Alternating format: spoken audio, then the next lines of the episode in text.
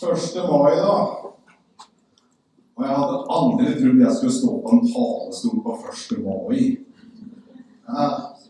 Så Og jeg pensjonist, da, så det var samme for meg om han er på søndag hvilken dag han kommer på. Så kan dere andre ha det så godt. Men ellers, gratulerer med dagen. Uansett hva du måtte mene om arbeiderbevegelsen, så har vi alle dratt nytte av den. Og så har jeg lyst til å si, da Kom meg, du skjønne ville. Det er så kaldt på campingplassen! Og selv om det ikke kom snø i april, som Tore ønska, så har det vært så surt og kaldt. Så kom meg, du skjønne ville.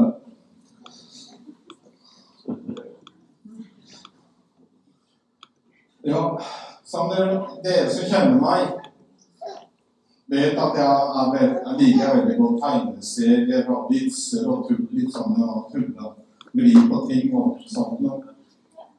Og uh, særlig den vitser som har historier som har plutselig sånn overraskende slutt, som du aldri hadde tenkt Å ja, var det vi var inne på. Så så jeg skal begynne med en historie i dag. Så om en historie om en av disse pavene. Vanligvis reiser jo paven rundt med en svær gjeng rundt seg som andre lever til. Men i denne historien så reiser han på egen hånd. Og uh, kommer til en flyplass, men selv om han reiser på egen hånd, så blir han plukka av en privatsjåfør som kommer med en skikkelig fin limousin. Når paven ser den, og siden ikke han har alle de andre rundt seg, så spør han pent om ikke han kan få lov til å kjøre den bilen. Så sjåføren har ikke lyst til å slippe den til, for han liksom har et ansvar og alt mulig, men det er ikke lett å motstå en pave. Så han får lov til å kjøre paven slipper til, og de kommer ut på hovedveien. Og det kjører limousin, så er det veldig lett å være litt fartsblind. De kjenner jeg godt det som kjører en Golf. Og det går litt vært fort.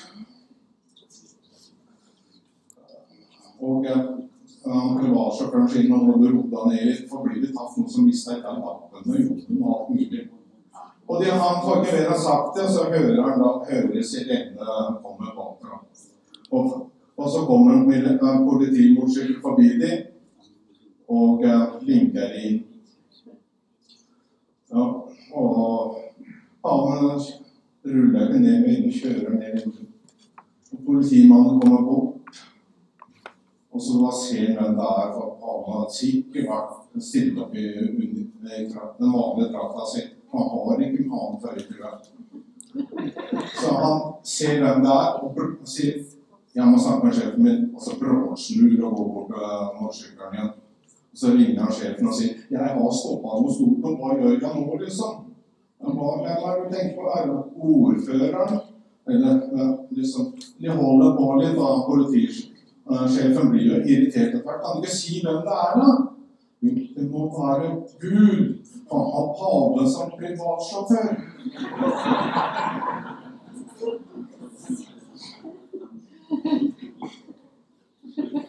Og en sånn meningsløs historie starta jeg altså med her kan, vi, her, kan, her kan vi jo kanskje ta en historie om paven sånn sett. Men uh, i den historien så var det en setning som festa seg her oppe i hjernebarken. Som jeg ikke klarte på en måte å bli kvitt.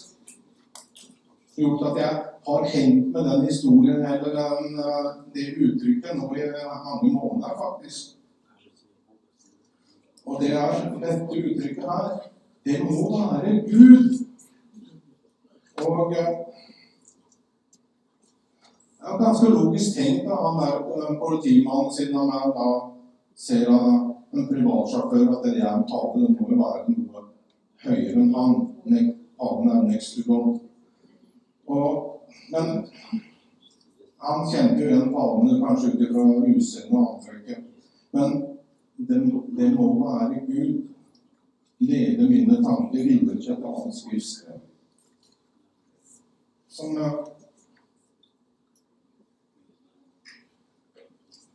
fra 2. Korinterbrev 2.14-16. Men Gud er takk, som i Kristus alltid fører oss fram i triumftog, og gjennom oss sprer duften og kunnskap om ham overalt.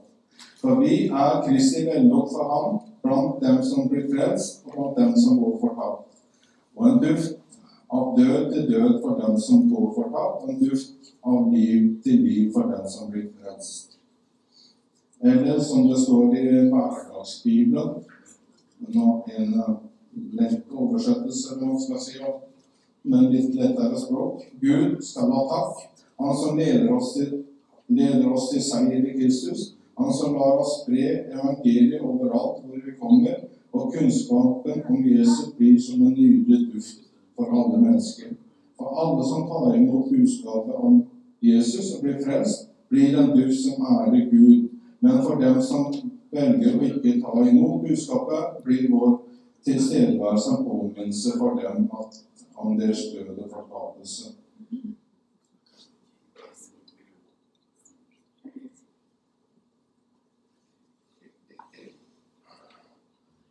Når jeg ser på den forsamlingen her, så vet jeg at det er mange forskjellige reaksjoner.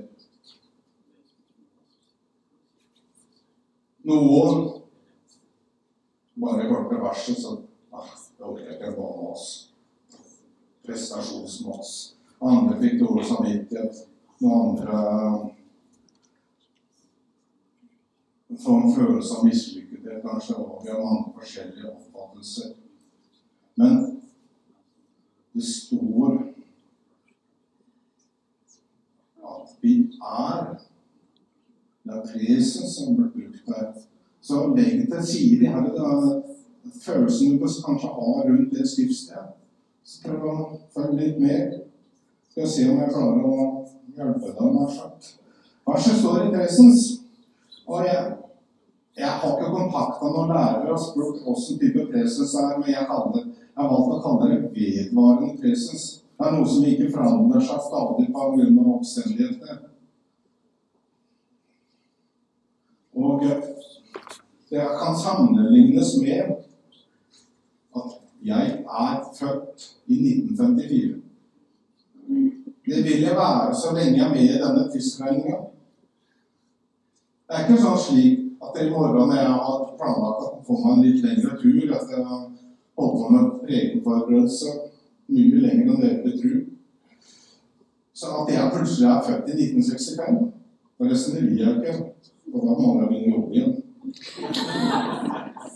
Men jeg forandrer seg ikke noe, det, om jeg har bedre følelser i alderen min. Eller det har vært veldig mye sånn skriveri og at de her helseekspertene er veldig opptatt av biologisk alder. Om jeg tok en sånn test om jeg var 40, 50, 60, 70, 80, 90, 100 år gammel, så blir jeg fortsatt være født i 1954. Det er ikke noe som forandrer på det. Samme måte så er det er i det varselet neste. Og på samme måte som nåden, så påvirker ikke situasjonen velduften vår heller. For begge deler er det kan kalle konstanter. Og så putter du forskjellige ting inn i kroppen din. Og det kommer ofte syne på en eller annen måte og merkes av omgivelsene. Et helseråd fører alle de her influensaene og uh, helseekspertene og PT-er og alt hva det heter. I gamle dager så lærte vi det at ett eple om dagen holder legen vekk. Og sånne moroklumper som meg må da tenke helt annerledes litt annerledes verset, og si ett én video om dagen holder alle vekk. Jeg elsker ordspill, som du skjønner. Heldigvis har det blitt mer vanlig med hvitløk, for det er veldig ålreit, og vi har blitt mer vanlig med lukta. Lenge siden jeg har blitt hivd ut av soverommet pga. hvitløklukt. Og så Så det vi tar inn i oss og putter i magen, påvirker vår kroppslukt. Det vi tar inn via øynene eller ører, påvirker oss også på en måte hva som kommer ut igjen. For eksempel med dårlige vitser. Man kan si det livet vi lever, frembringer ofte noen personlige uttrykk, luktuttrykk. Og så kan det, ikke, kan det henge opp i det, med nå skal vi fra hvitløk inn i igjen. For siden vi har tatt imot Jesus og blitt født på ny, så har Den hellige ånd flyttet inn i oss. Og med Den hellige ånd så kommer også Kristi vellukt. Og det, er den, og det er jo naturlig at vellukta siver ut, eller at vi uh, dunster ut av oss. Og Den hellige ånd er konstant og er ikke avhengig av våre daglige åndelige aktiviteter. Den er ikke avhengig av, eller er ikke noe vi kan forstyrre og ødelegge med livet vårt. Velduften er den samme. Så er vi altså Kristi vellukt, om vi tror det eller ei. Så er vi altså Kristi vellukt, om vi føler oss slik eller slik. Det er bare noe vi er fordi Den hellige ånd er i oss. Altså er du er Kristi vellukt. Og det er noe du kanskje ikke merker sjøl. Og det er heller ikke målet. Men det at vi skal ha den vellukten, det må, må ha en funksjon. Og så er vi annerledes. Vi er, er, ikke av denne verden, men vi er i denne verden, som står i Bibelen. Så derfor skiller vi oss litt ut. Og luktesans varierer fra person til person og, og endrer seg egentlig med, i løpet av de tida en lever. Noen har veldig god luktesans og kan kjenne egentlig lukter på lang avstand. Andre kan også kjenne lukta når det blir opplyst om at nå lukter det. Og den luktesansen går an å trene opp. Når jeg var gutt, altså på 60-tallet, så var det, hendte vi av når det nærmet seg sankthans, at vi går på skauter på seint på kvelden. For vi skulle prøve å finne hyasint, som de kaller det her i Grønland. Eller nattfjord, som egentlig heter. Og er det orkidé, så fikk det litt folkeopplysning også i dag. Men den dunsta på kvelden. Derfor var de som hadde god luktesans, de kunne lukte seg fram hvor den, uh, du kunne finne den. Jeg klarte aldri det, men det er sånn.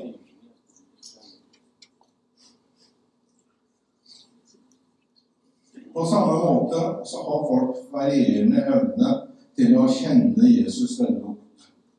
Den hellige ånd forsøker å gjøre folk oppmerksomme og interessert i den lukta. Og et mål og effekt på den Velduften er å vekke en lengsel etter Jesus. Og vi, alle, og vi har alle personer rundt oss som Den hellige ånd forsøker å påvirke til å kjenne denne velduften. Så Kristi vellukt skal forsøke å dra mennesker til seg på samme måte som hyasintene dufter om kvelden for, ha, for at nattsvermere skal komme til dem. Altså insektene, nattsvermere. Så Derfor ønsker vi å få fram den velluften for å tiltrekke oss søkende mennesker. Vellukten er konstant, for Gud er jo konstant. Så vi gjør så mye rart som øker, vi gjør så ødelegger luktbildet. Narkotikasmuglere de heller mye kaffe sammen med narkotika for å prøve å villede hundene med sterk, annen sterk og fremmed lukt. Stoffet lukter det samme, like sterkt eller like svakt, men de klarer å få lukt, lukte det pga. noe som forstyrrer luktbildet. Så clouet er at vi må oppføre oss slik at folk kan komme nær oss og kjenne lukta, eller fjerne det som ødelegger luktbildet, og da føler du at der kom det. Der var Tore i gang. Dere der nede, nå må dere skjerpe dere. Hør nå her. Ja, jeg kommer med noen sånne ting. Men I bånn av det hele så ligger det nåde. All, under all forkynnelse ligger det nåde. Det er ikke noe dere må pressere for å bli frelst, men det er følge av at dere er frelst. Følge av det Jesus tilveiebrakt på korset. Så unngå å jatte med i negative fora, både fysiske og digitale. Tenk etter hvordan din kommentar og bemerkning oppfattes. På f.eks. Facebook og Porsgrunn i dag sier der jeg blir så irritert når jeg ser det. Hver gang det kommer et bilde av Østre Porsgrunn kirke, så kommer det oppgulp uten like i kommentarfeltet. Jeg skjønner ikke vitsen med det. For den kirken kommer til å stå der lenge etter de menneskene døde som må gulpe opp det her allikevel. Det er bare innsett. Prøv heller å nyte det. Men å stadig komme opp med det samme hver gang, det er måte. Ja. Så vær saklig når du konverterer ting osv. Hold heller munn når noen baksnakker andre eller forsøker å forsvare dem. Når jeg, jeg har lært at du skal ikke, behøver ikke si alt som er sant, men det du sier, det skal være sant. Så hvis du vet noe om en person, så behøver du ikke fortelle det. Men hvis du skal fortelle noe om en person, så bør det være sant. Ønsker du å kommentere en sak, så pass på at det du sier av saker, er høflig, som du skulle si det direkte til en person. Prøv å dempe din egen syting og klaging over forskjellige hendelser. Forsøk å være en positiv person, selv om det er noe som skjer. Om andre er ufordragelige, så behøver ikke du være det. Verst verste som fins for klagete mennesker, er de positive som ikke blir med på sytinga. Det er liksom, Klaginga får liksom ikke effekt. Så ta en ny positiv runde med en fyrslig naboer og fyrslig kollega. Ta mitt ekstra mil. Ha mindre fokus på deg selv og på andre. Ja. Vær bevisst på hva du gjør. Det var som dere skjønner, det handler om bevisstgjøring. Og så tar vi og sender vekk den pekefingeren. Dere er jo gode som gull. Vi lever, men lever vi etter de forslagene jeg kommer, så kan det være at vi blir en mer behagelig person å være sammen med. Mindre dårlig lukt som ødelegger for velduften. Mindre dårlig lukt som holder folk på avstand. Og da kommer folk kanskje nærmere og har større sjanse til å kjenne din velluft. For vi har alle, men vi har jo alle noen rundt oss som vi har litt sånn problemer med å leve sammen. Eller sammen i nabolaget. Noen mennesker rundt deg som på en måte er mye av ødelegger opplevelsen, den gode opplevelsen. Du har kanskje bedt til Gud i mange år, og kanskje til og med bedt om å forandre dem. Og så ser du ingen forandring. Så tenker jeg sånn umiddelbart på historien om han som bodde så mange plasser. Og overalt hvor han flytta, så var det bare kranglete naboer. Så kanskje vi jeg, kanskje da at vi skal heller begynne å be om tanker for at vi skal forandre oss sjøl. Ja. Så hvis vi ber da Gud om hjelp til å forandre oss For det vet jeg at han absolutt ønsker å besvare. Det kan være litt tøft i perioder når han røsker litt opp i oss og uh, gjør oss litt bedre. Men når vi kommer litt videre på den veien da, så, så vil vi kanskje bli noen bedre behagelige mennesker. Så kan det være at noen tenker det må jo være Gud. Eller hva er det med han der? Han liksom, er noe spesielt godt ved vedkommende. Og da er vi tilbake til start. Kristin vellukt, han tenner av lengsel i folk. Dere, jeg har en drøm om at mennesker skal se Jesus igjennom meg og dere. Langt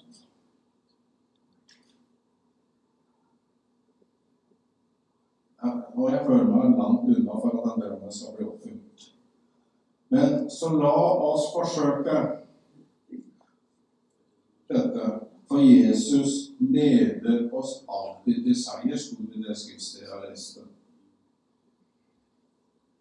Og Persene 5.1. Ha Gud, ha Gud deres far. Ha Gud deres far som forbilde, og la Kristi kjærlighet bli synlig i livet deres. Og som bønn, som dere kan være med og be. Kjære Gud, gjør ditt verk i meg, så jeg kan bli en tydelig velluft av deg blant de jeg omgås.